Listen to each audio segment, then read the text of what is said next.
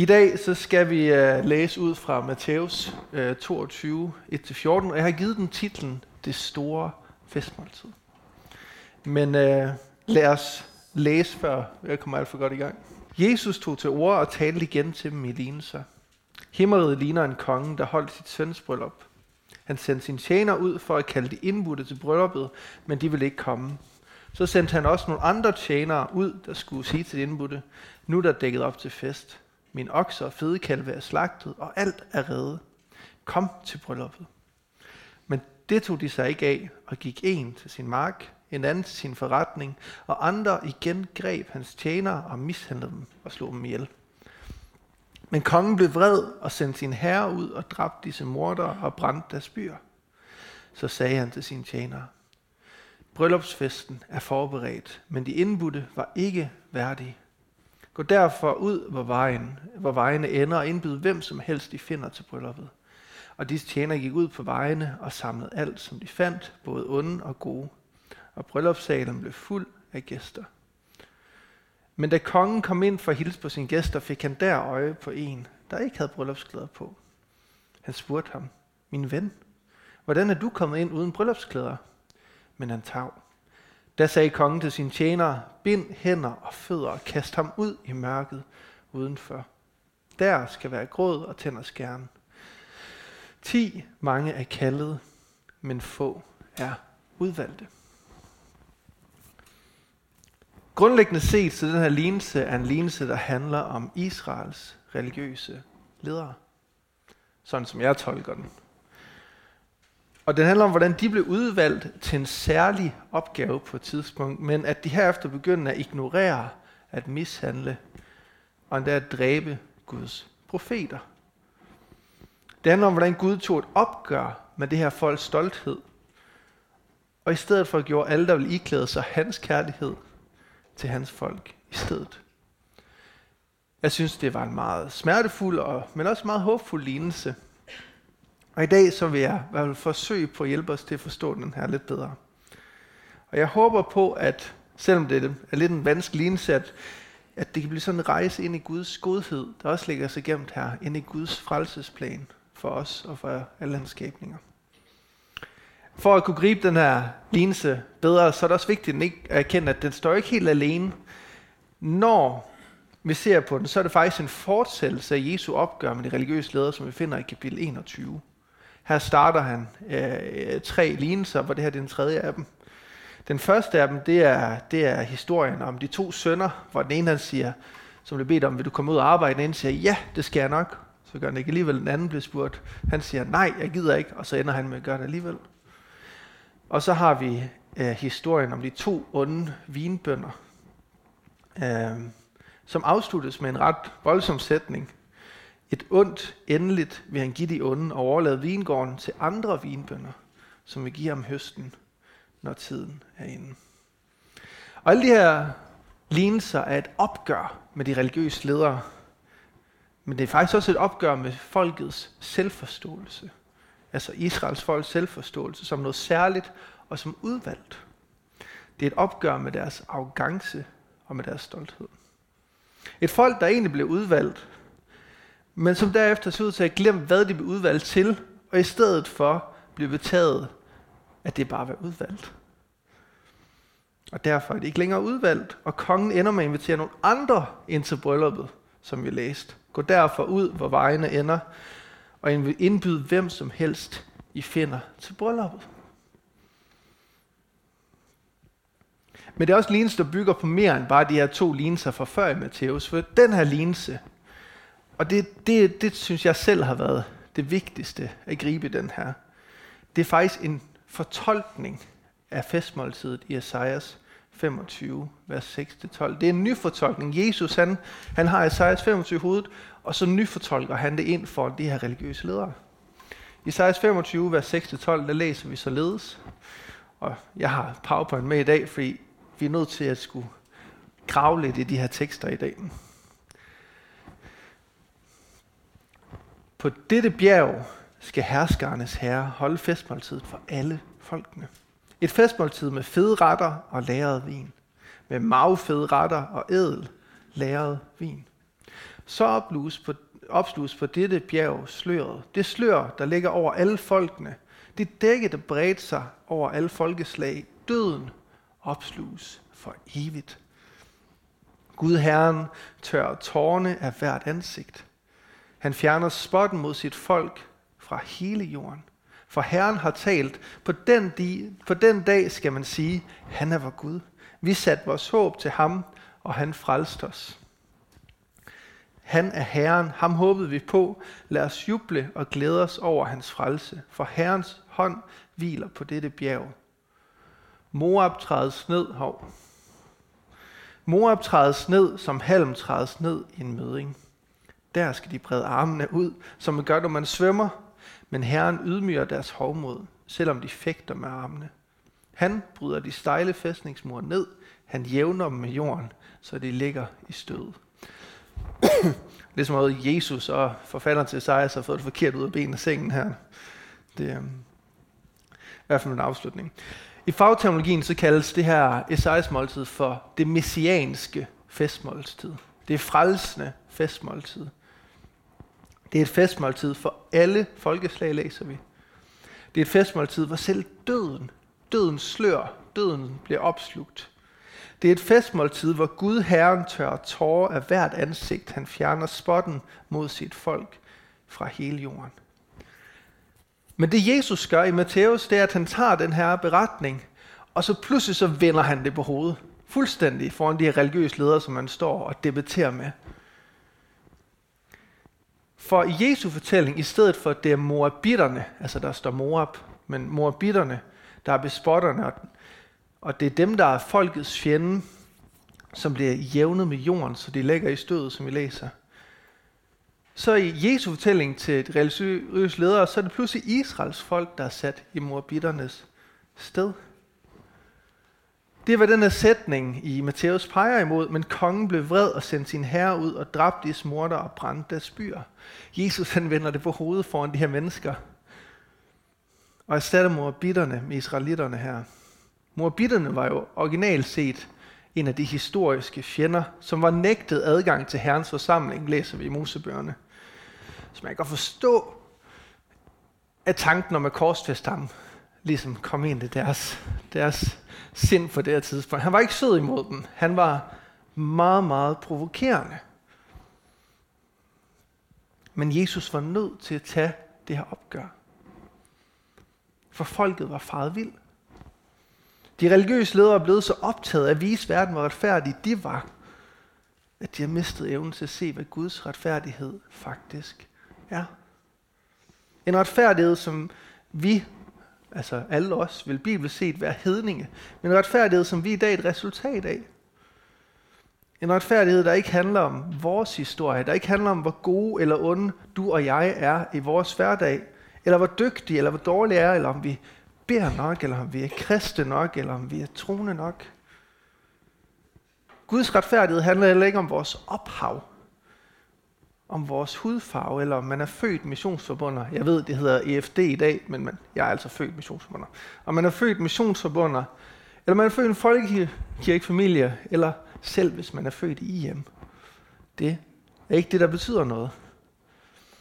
Om man er israelit eller hedning. Guds retfærdighed og bunder i hans enestående ønske om at frelse alle om at holde et festmåltid, som vi læser om Esajas, hvor alle er inviteret. Et måltid, hvor alle har lige værdi.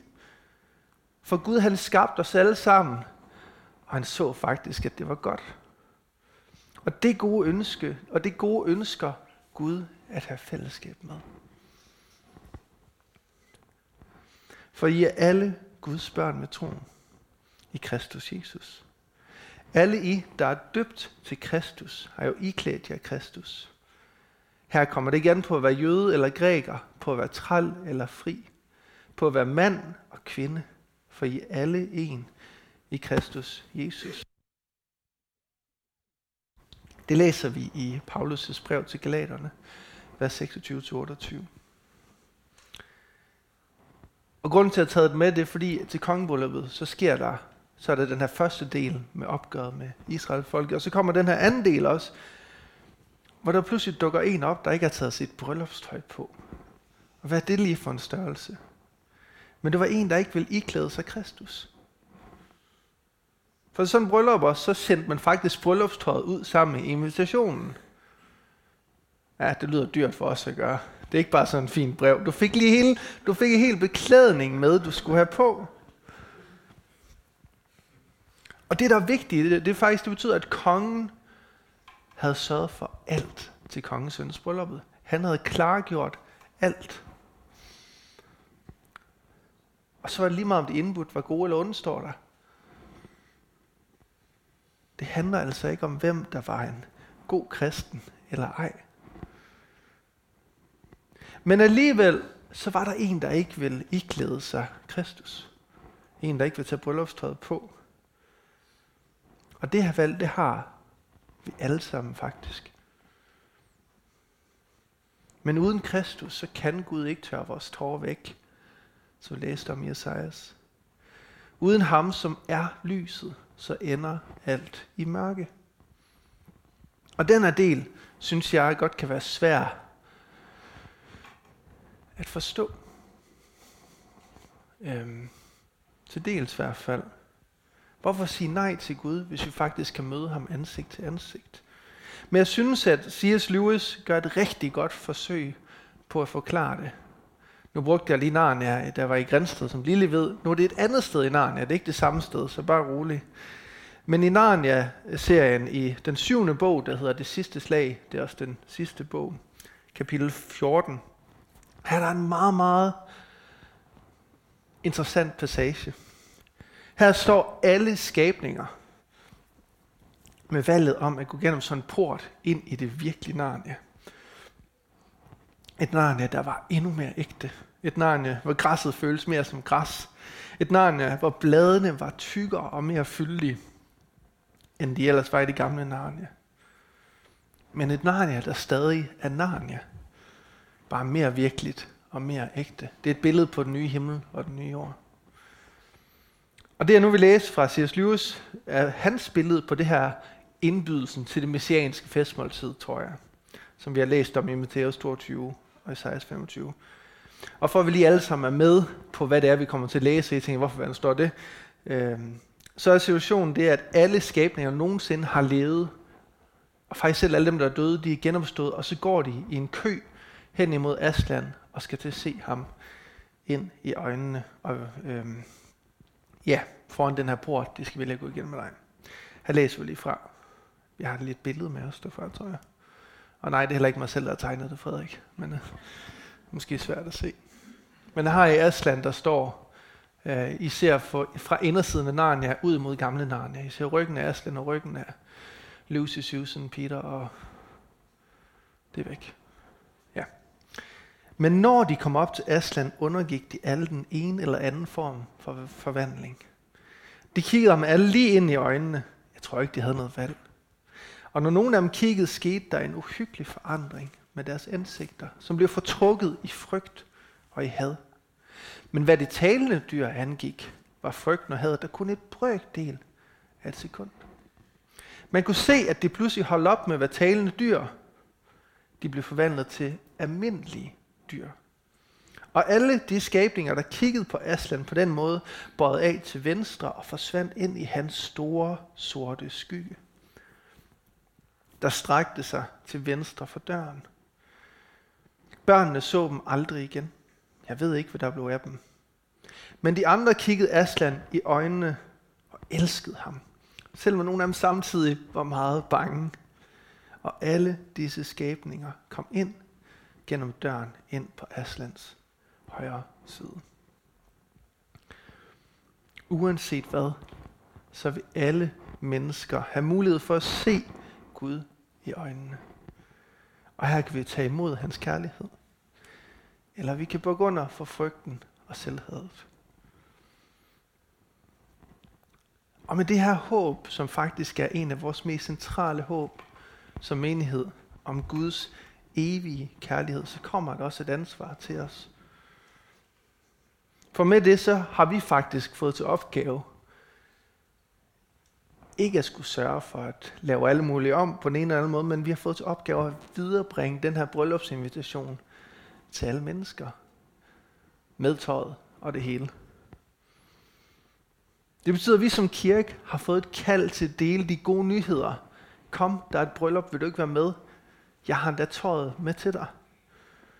Og det er også en nyhed om, at jamen, Gud elsker dig. Han har allerede klargjort dit tøj lige præcis til dig. Der findes ikke nogen, der fortjener det mere. Der findes ikke nogen, der fortjener det mindre. Om du tager imod Guds kærlighed, så er det en sag mellem dig og Gud. Men alle skal få invitationen. Alle skal få budet. Og nu er vi faktisk ved at være igennem lignelsen. Men så kommer vi til den sidste sætning.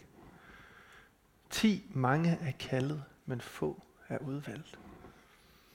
Når Jesus bruger ordet 10, så for dem, der er lige så unge som mig, som lige valgt lige, det betyder igen, det betyder derfor eller fordi.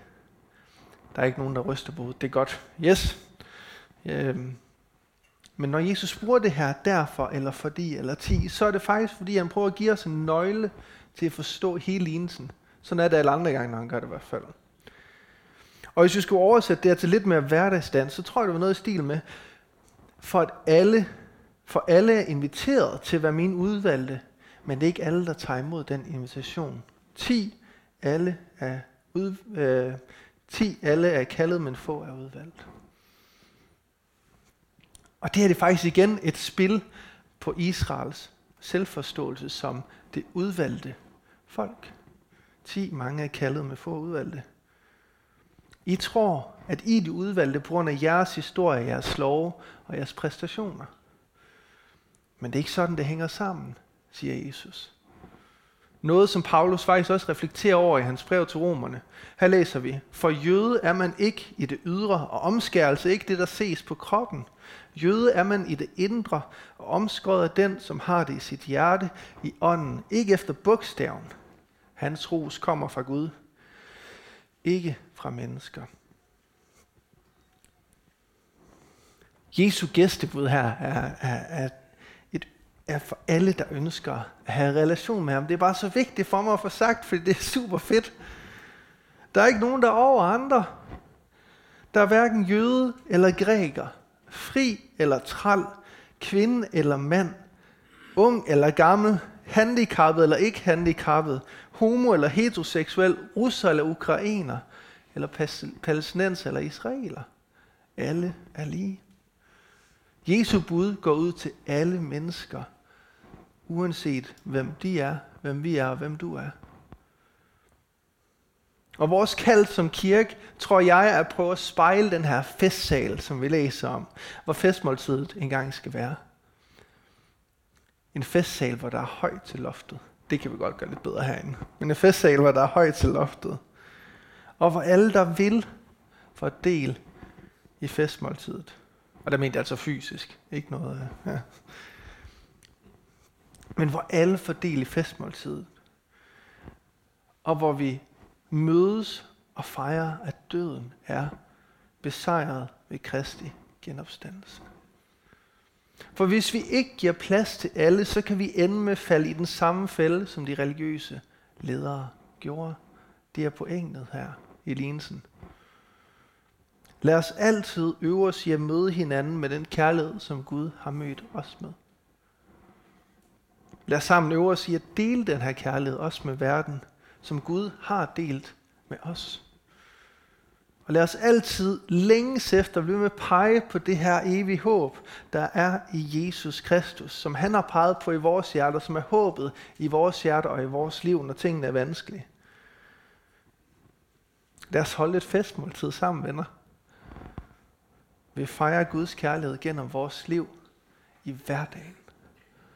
Ja, med vores by, med vores land og med hele verden. Lad os bede sammen.